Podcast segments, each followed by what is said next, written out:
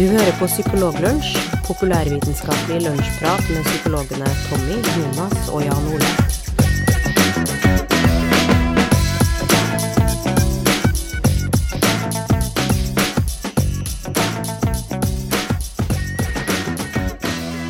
En ny episode av eh, Psykologlunsj eh, har kommet til eh, dine ører. Du får med deg da på kjøpet, altså når du laster ned denne podkasten, så får du med deg eh, tre psykologer, hvorav to psykologspesialister og én simpel psykolog.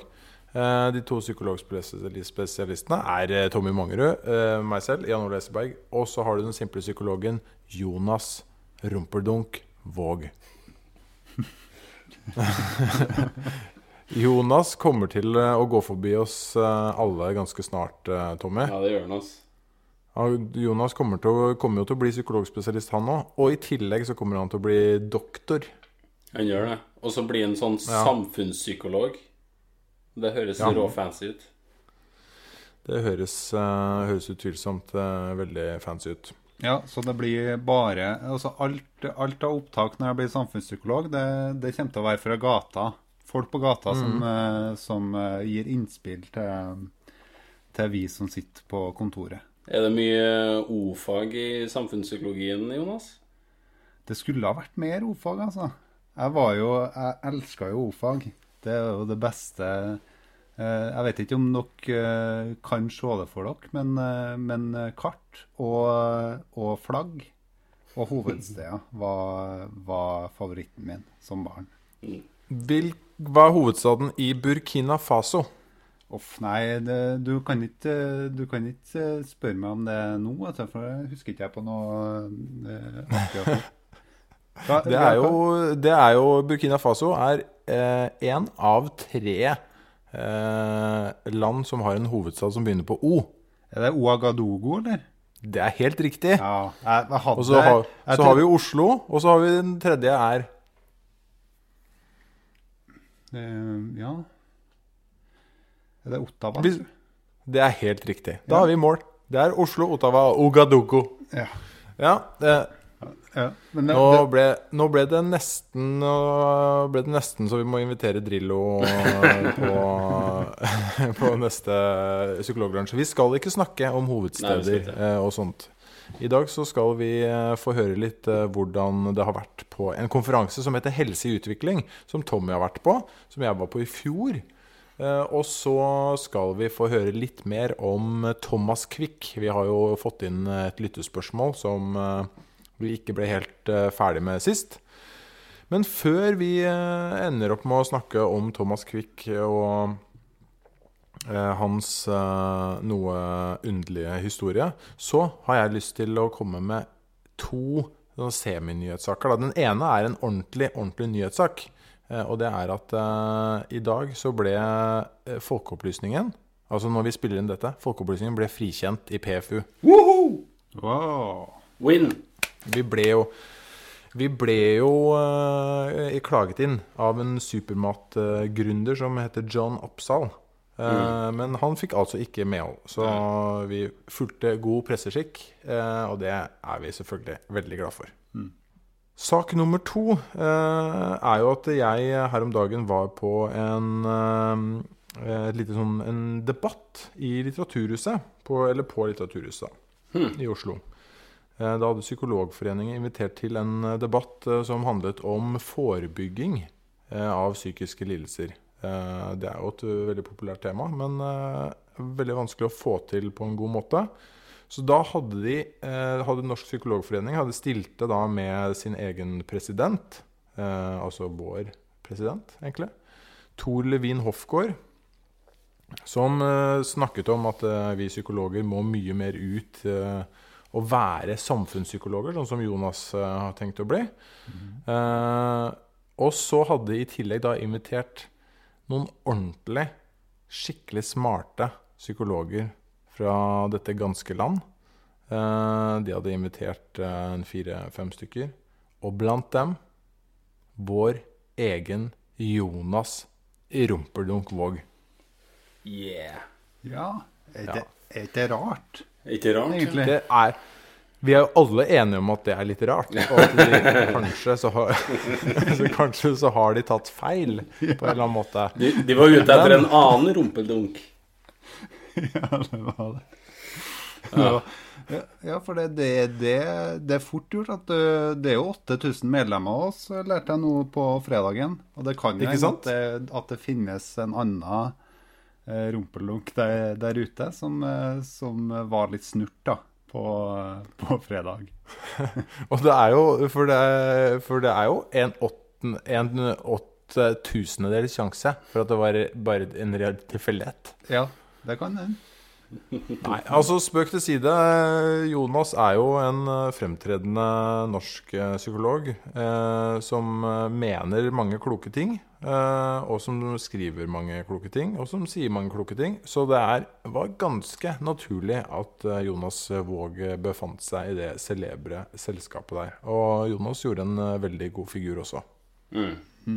Det skulle man ikke tro når man har hørt på 40 episoder av eh, Psykologlunsj og fått det motsatte bevist. Nei, altså det er jo helt åpenbart at, uh, at uh, taleevnene dine uh, er ikke sånn kjempegode. Du bør holde deg til det skriftlige formatet. Eh, hvis noen leser det Jonas har skrevet, så kommer han mye bedre ut av det. Men hadde han noe klokt å si, da? Eh, ja, han hadde jo nå, jeg, jeg kan jo fortelle litt om det. Eh, fordi hvordan, man, hvordan skal man eh, løse denne utfordringen? Altså, vi må, eh, hvordan skal man klare å forebygge på en god måte? Var jo eh, spørsmålet. Forebygge psykisk eh, helse. Noen fokuserte litt på hva man kan gjøre på sånn type nasjonalt nivå, eh, kommunenivå. Eh, og så Jonas sin innfallsvinkel Nå får du bare stoppe meg, altså, Jonas. det, det var jo eh, For nå snakker jo jeg om noe som dere eh, driver med til daglig. Eh, det er veldig morsomt. Um, Nei, men, men nei, jeg, jeg, kan, jeg kan jo si litt om det sjøl. Ja, det kan du. Det, det er jo egentlig det vi holder på med her også. Det handler i bunn og grunn om å dele kunnskapen sin. Og det å skape en god arena for å kunne dele kunnskap.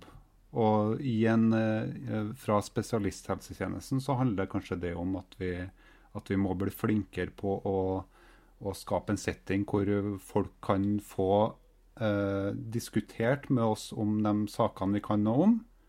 Ja, Eh, og og at- bare, når, når du sier spesialisthelsetjenesten, så betyr jo det eh, da de enhetene innenfor eh, psykisk helsevern eller psykiatrien som er tilknyttet sykehusene. Ja. Absolutt. Og når, og når eh, For, for det, det, det er ikke sånn altså Hvis man hører et ord som er Altså eh, eh, Jeg og Tommy jobber på samme distriktspsykiatriske senter. Mm. Og da, da jeg hørte ordet distriktspsykiatrisk senter så, eh, første gang, så trodde jeg det betydde at da hadde du eh, hyppig kontakt med eh, regionen din. Altså du kjente alle tjenestene som var i den regionen som det distriktspsykiatriske senteret lå, og det var hyppig kontakt og, og fordeling av kunnskap mellom, eh, mellom kommunene og det senteret. da. Og at det var noe helt annet enn et spesialisert sykehus. Mm. Eh, For spesialiserte sykehus har jo poster, sengeposter, sengeavdelinger, døgnavdelinger. eh, Og har spesialiserte funksjoner. At de tar, tar for seg f.eks. OCD-behandling. Eller, eh, eller eh, behandling av psykose. Eh, Men jeg så for meg at et DPS, eller et distriktspsykiatrisk sykehus, var noe annet. Når jeg begynte å jobbe i et DPS, så oppdaga jeg at det egentlig ikke var så stor forskjell på et spesialisert sykehus og et DPS, i bunn og grunn. I hvert fall ikke ut ifra de historiene man har fra, fra DPS-er som ligger i mer sentraliserte strøk. da.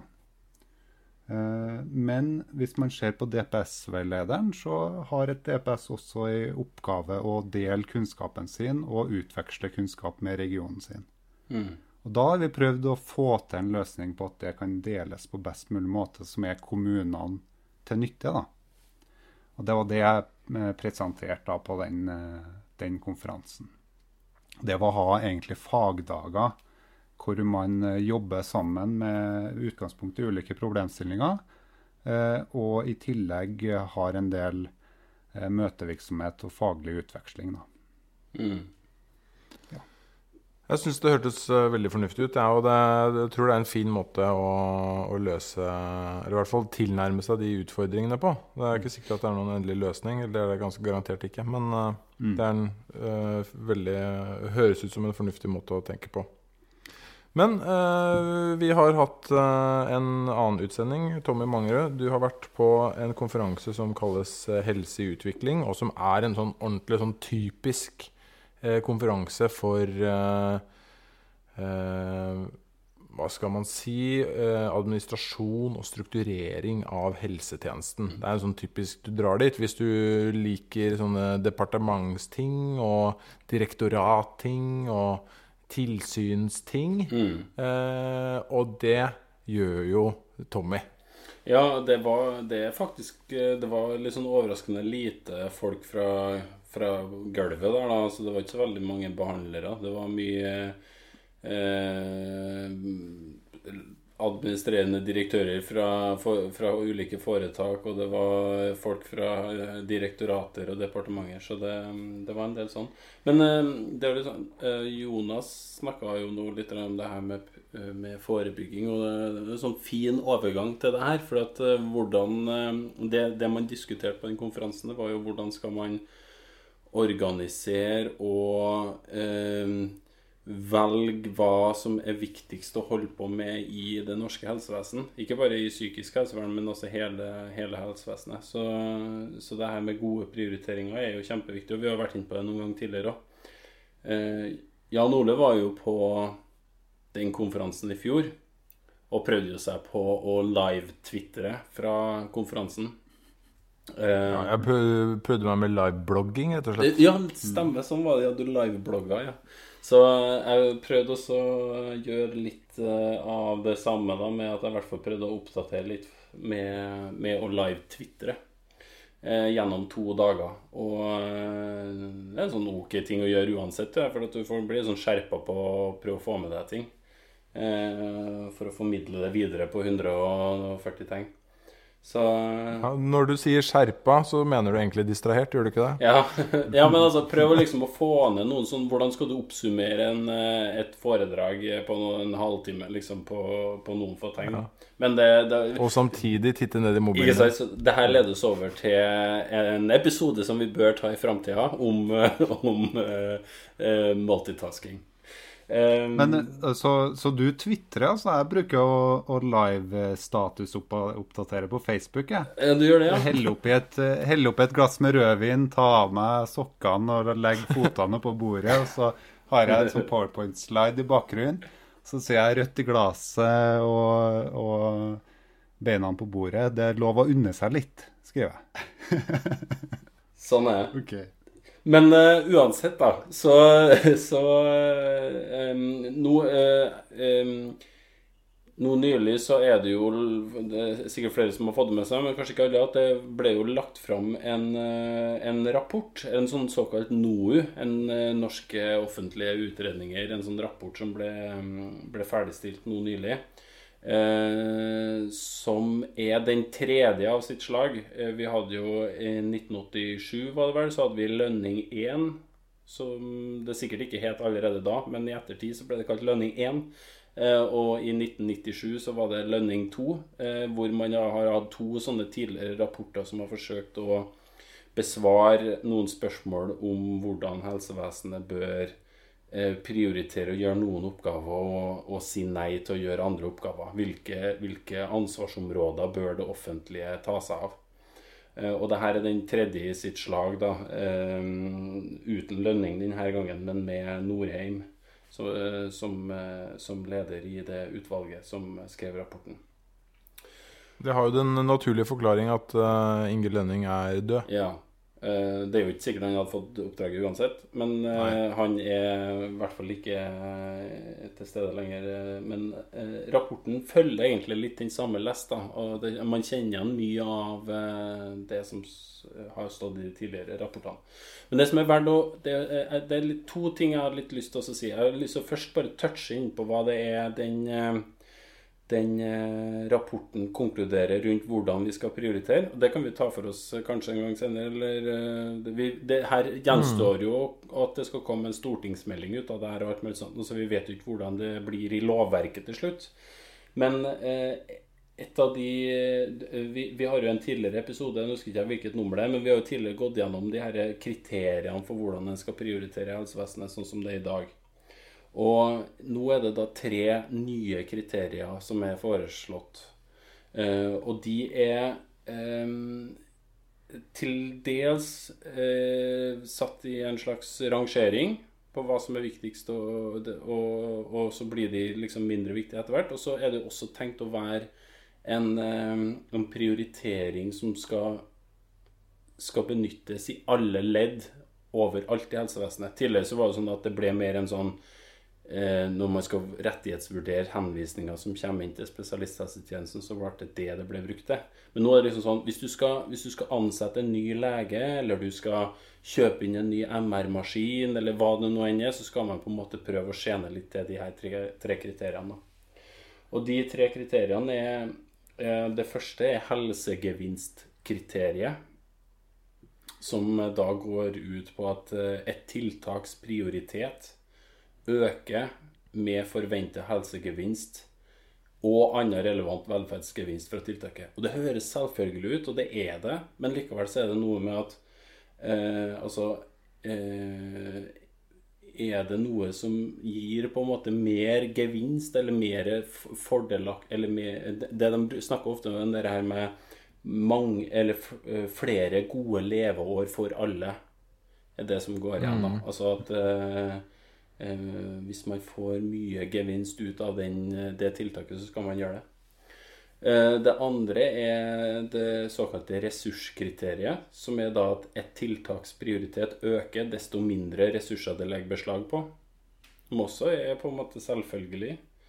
Hvis du har to mm. varianter av et tiltak, og det ene er, legger beslag på mer ressurser, da velger du selvfølgelig det som legger beslag på minst, hvis at resultatet er likt. Og det siste er helsetapskriteriet. da, At et tiltaks prioritet øker med forventa helsetap over livsløpet hos den eller de som får helsegevinst. Eh, så med det vil det også si at eh, eh, Det er jo masse rom for tolkninger her ennå, men altså personer mm. som kanskje kommer særdeles ufordelaktig ut, da. Også, psykiske, helse, psykiske helseplager er jo en av de, kan en tenke seg. Altså Hvis du blir deprimert i 20-årsalderen, så, så, kan Og du, en, en, en du har en depressiv lidelse som du får igjen resten av livet, på en måte, så er det en ting som eh, som, eh, som vil på en måte gi et ganske stort helsetap gjennom, gjennom livet. Mm. Eh, interessant å se. det ble veldig mye interessante debatter. Det var veldig mye folk som hadde ganske sånne mange var veldig fornøyd, veldig rosa rapporten. Noen var veldig, veldig kritisk, så det var ganske spennende. Eh, men eh, det er det, punchline er jo litt det her som vi har vært inne på mange ganger, at man kommer ikke utenom det å prioritere, da. Det, det er på en måte Det går ikke an. Hmm. Nei, det, det, må man jo helt klart forholde seg til på en eller annen måte. Jeg, jeg synes at vi liksom, All honnør til de som faktisk jobber med det her. Det er ingen lett oppgave.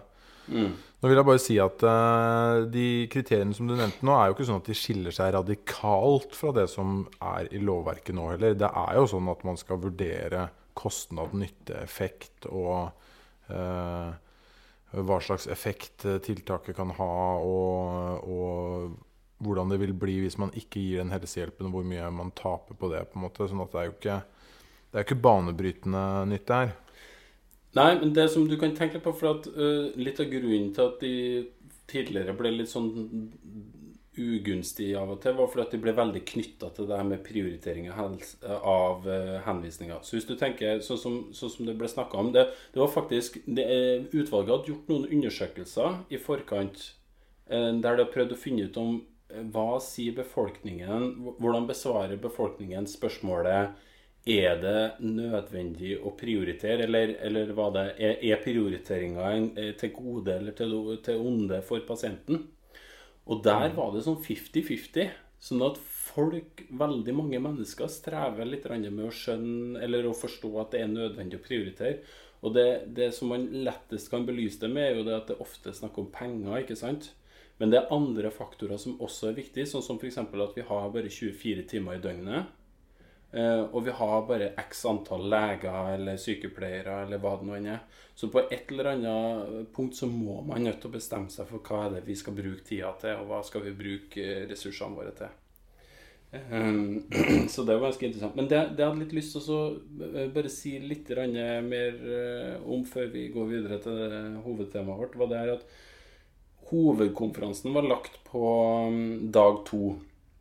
Uh, og på den første dagen så var uh, um, hovedtemaet Det var en litt sånn mindre del av konferansen der hovedtemaet, hovedfokuset, var lagt på det her med hvordan kan man begrunne og forsvare og bevare et nei. For det er ganske vanskelig å si nei eh, mm. til noe. ikke sant? Når, når, det er noen som trenger noe helsehjelp, så er det veldig vanskelig å si nei til noe. Og her er det et sånn avveining som helsevesenet må nødt til å gjøre, eller enkeltpersoner må gjøre, mellom hva er, eh, hva er eh, viktig og riktig å gjøre for en enkeltperson, og hva er riktig og viktig å gjøre for befolkningen under ett. Og det som var da, det som, det, det som mange av personene som var til stede eh, nevnt, det var media, og så nevnte de sosiale medier. Okay. Eh, altså, én eh, ting er når Aftenposten eller VG eller noen sier at her har vi en person som ikke får eh, den og den medisinen eller ikke får den og den helsehjelpa. Men også mm. en del av de her eh, Facebook-innleggene som da er om at Som får 100 000 likes, ikke sant? Om, eller 10 000 mm. likes hvor en person har eh, blitt møtt dårlig da, med et nei ved, hos uh, sykehuset. Og Jeg sier ikke at det nødvendigvis er automatisk et onde eller at det er feil, for det, jo, det, belyser jo på en måte Den, den tilfører noe nytt i denne balansen mellom enkeltindivid og, og, det å prioritere på et stort uh, Eller på, på, et større nivå. Men det, ja. det, det, bidrar til noen litt sånn uante nye komplikasjoner eller nye vurderinger man må nødt til å forholde seg til. da. Ja, sant. For, for, tidligere så hadde du kanskje altså, en som satt med et redaktøransvar da, i en avis eller i, i, i en TV-kanal, eller som filtrerte litt de kravene som ble stilt til helsevesenet eller helsetoppene. Mm. Eller, eller, til helseministeren.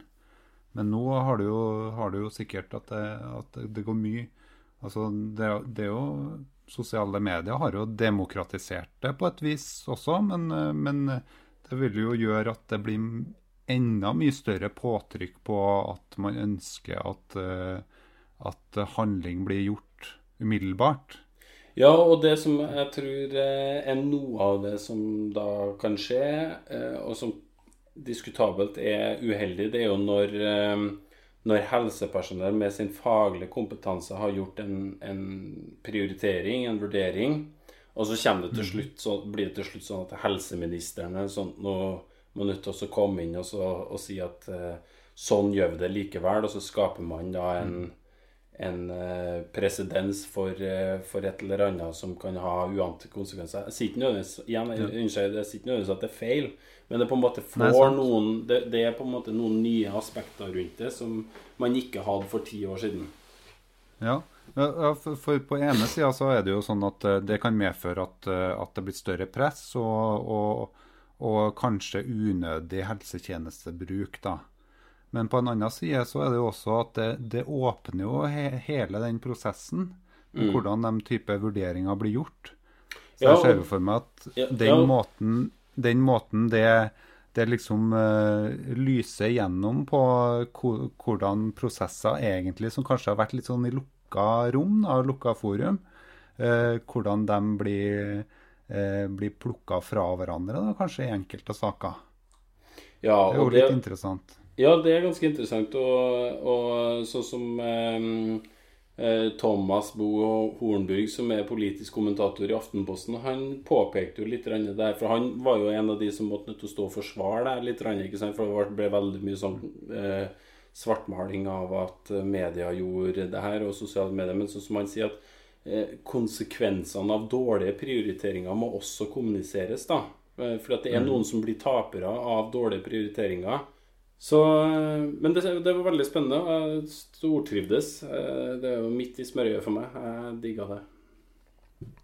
Vi kommer jo garantert til å ta opp eh, prioriteringer igjen. Men egentlig skulle dette bare være en kort nyhetssak. Det ble det jo ikke. Nei, det ble det ikke. Så da går foreslår jeg at vi går videre til uh, denne an, i utgangspunktet litt sånn angivelige massemorderen, som viste seg å ikke være massemord likevel. Vi hører på restene av spørsmålet til uh, jusstudenten vår. Hei, Jonas, Tommy og Jan Ole. En av de verste justismordene i Skandinavia i vår tid gjelder straffesaken mot den svenske mannen Sture Bergwall, som gikk under noe jeg vil anta er et alter ego, nemlig Thomas Quick. Han erkjente på 1990-tallet litt over 30 mord, og ble av svenske domstoler dømt for åtte av disse, deriblant drapet på tre nordmenn. I 2013 ble han derimot frikjent for samtlige. Slik jeg forstår sakens kjerne, hadde politiet, sett bort fra hans tilståelse, svært få holdepunkter til å opprette en siktelse mot Kvikk for noen av de åtte drapene som han ble dømt for.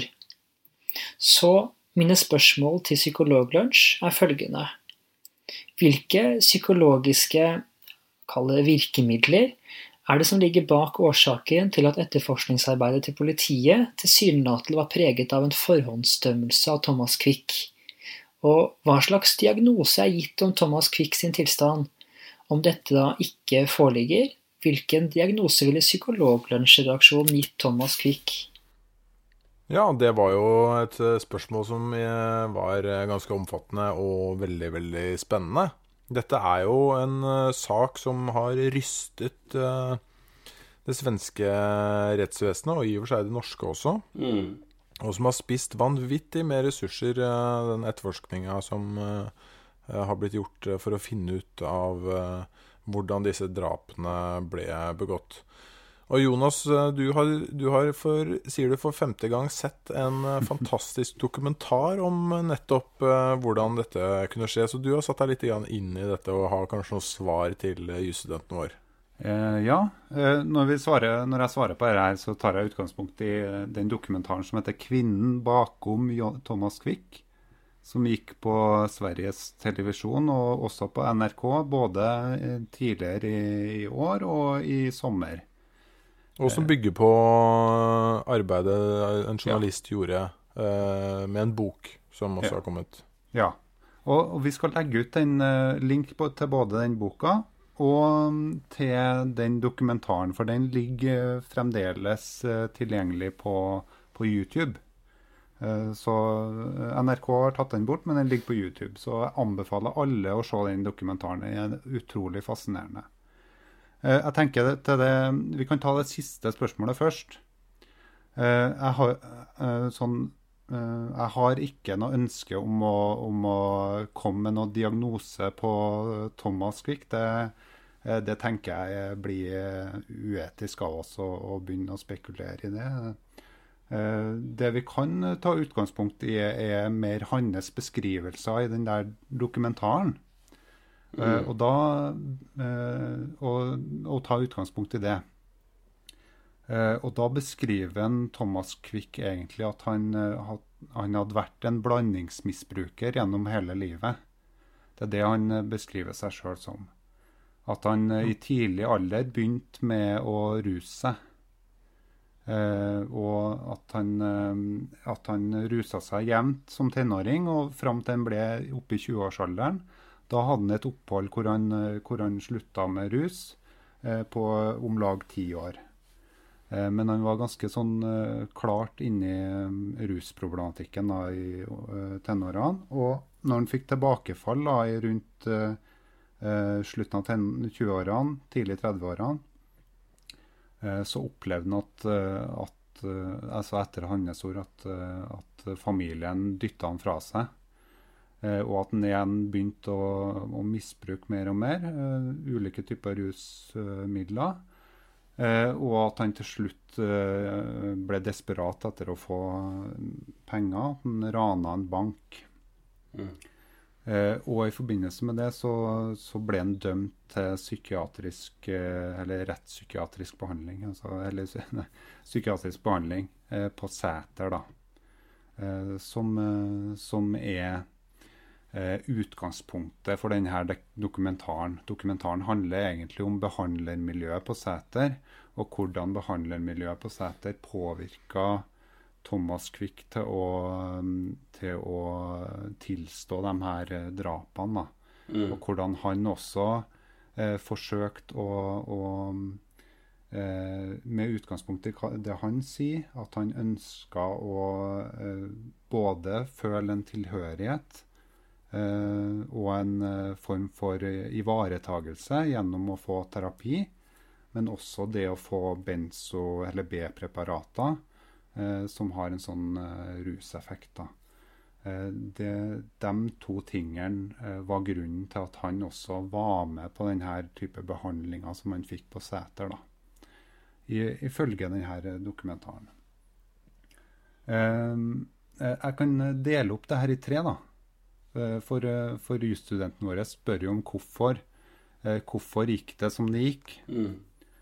Og da tenker jeg at, at, det ene er jo at du har en Thomas Quick, eller Sture Bergwall som han heter nå. Det, det kan jo være sånt, en digresjon, men jeg tror at alle vi tre husker godt på Thomas Quick. Mm. Absolutt. Altså, du, har, du, har, du, vært barn på 80-tallet, og, og, hvis du var ungdom da OL på Lillehammer var, eh, så var det også masse nyhetssaker i, i tidlig 90-tall og slutten av 90-tallet også om, eh, om, Thomas Quick. Og han var, var jo framstilt som et, som et monster, egentlig, i, i, i Dagsrevyen. Mm. Uh, og det var jo altså første gangen jeg, jeg så han Sture Bergwall bli intervjua, sånn etter at han hadde avslørt uh, hva han på en måte hadde gjort. Uh, så, så, var jo det kanskje ble oppfatta som et helt annet menneske enn det som ble skildra i media på 90-tallet. Mm. Men tilbake til de tre faktorene. Altså Du har en uh, Sture Bergwald, som er en rusmisbruker, sånn som han beskriver det sjøl. Han ønsker eh, at noen tar vare på han. Og han ønsker også at han eh, har tilgang på rus. Og etter noen år på seter, etter at han har gått i terapi og, og gått på B-preparater og sånn, så opplever han at han får effekt eller så, så, beskriver behandlerapparatet at han har hatt effekt av terapien. Vi kan skrive han ut. Han kan få lov til å være på en egen, bo i en egen leilighet.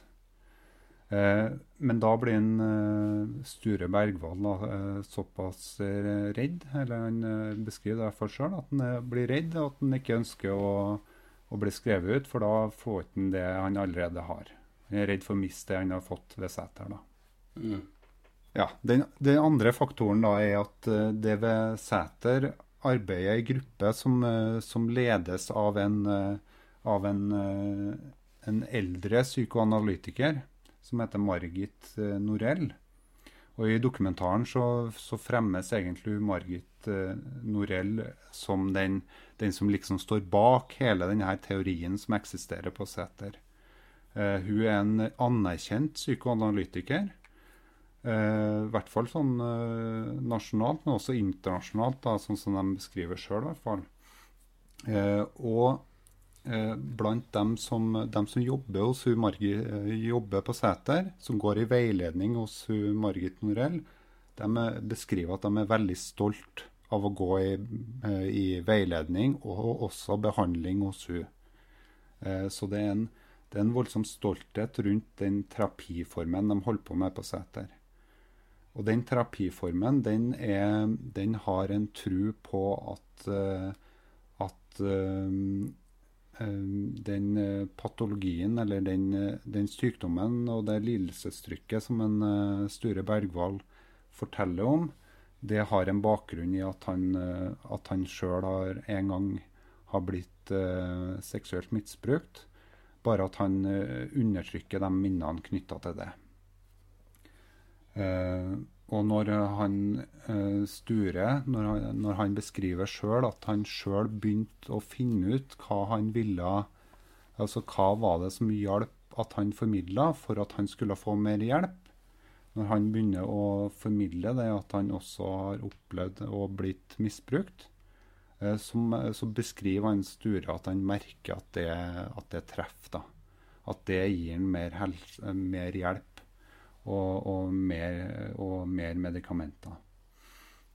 Sånn at, sånn at, det er et fagmiljø eh, som beskriver altså Han ene som beskriver fra det fagmiljøet, eh, han beskriver at de opplevde at her kommer det eh, endelig noe. Her treffer vi med noe. Mm. Og når han igjen begynner å beskrive at han, at han kanskje har gjennomført et mord, så, så eh, beskriver en av de vitneprovene altså fra dem som har jobba her, at, at, det nesten sitra i veggene. At nå, nå, får vi endelig bevis for, for, den teorien vi sitter på da, rundt, mm. rundt denne personen. Eh, så du har altså et fagmiljø også. At de behandlerne som jobber her, både psykiatere og psykologer, Eh, de beskriver at eh, de har en sterk tro på en teoretisk retning.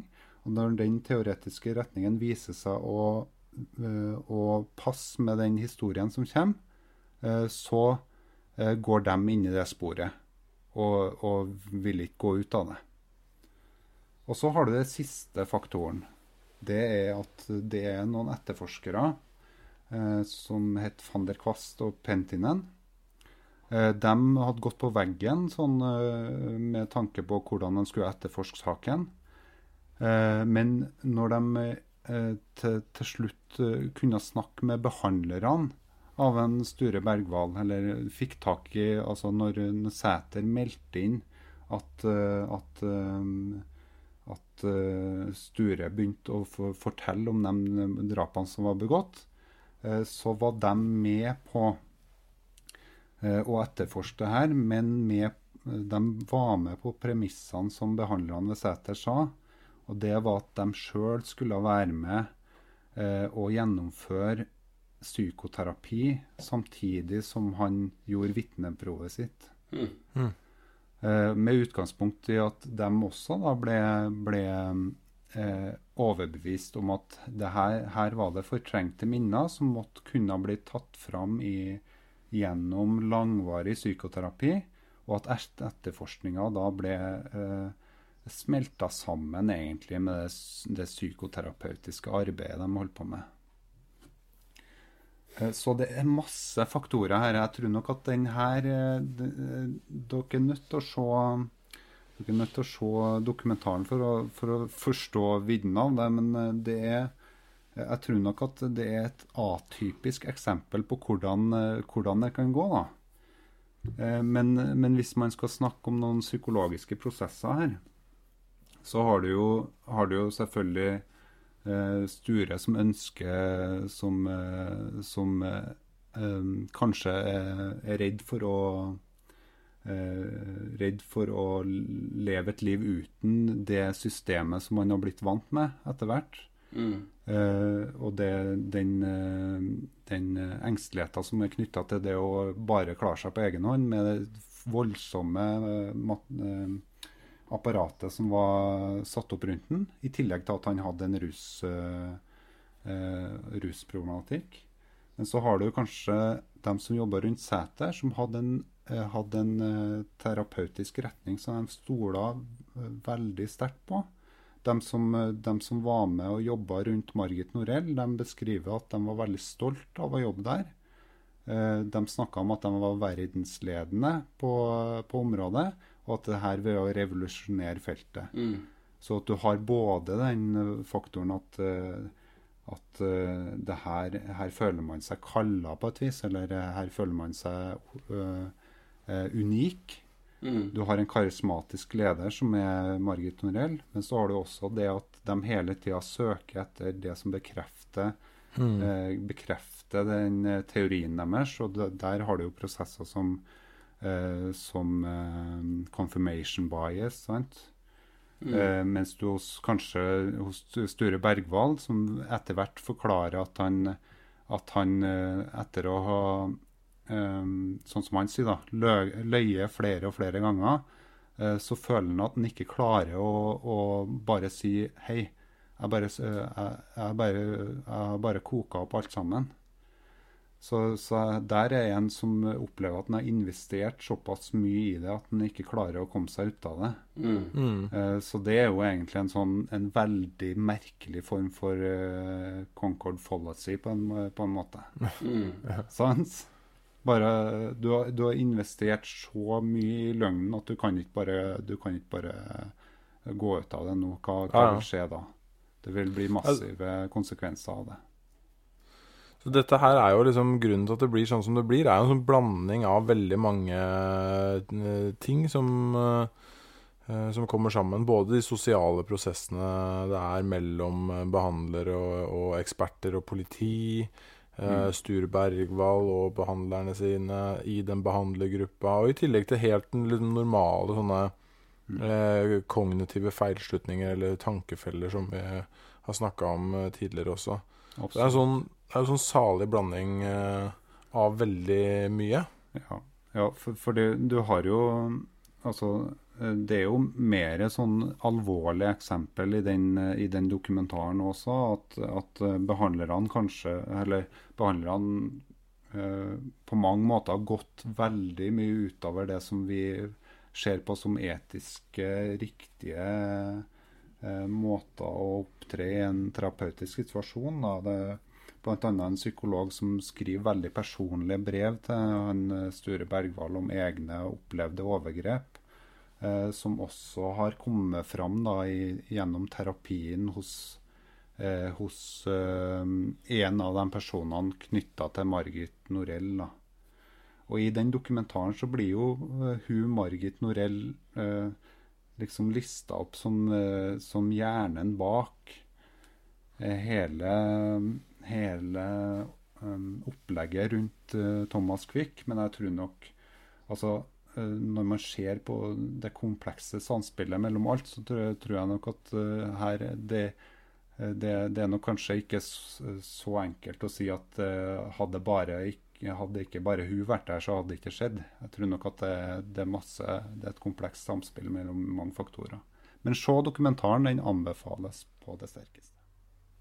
Vi kommer selvfølgelig til å holde dere oppdatert hvis det skjer noe nytt og spennende i denne Thomas uh, Quick-saken. Eh, den er verdt å forfølge litt, sånn prinsipielt iallfall.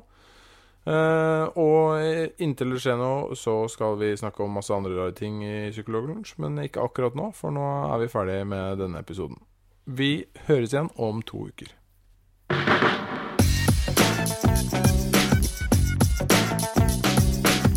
Du har nå lytta til Psykologlunsj. Har du noen spørsmål, kan du søke opp Psykologlunsj på Twitter, eller du kan sende en e-post til psykologlunsj alfakrøll gmail.com.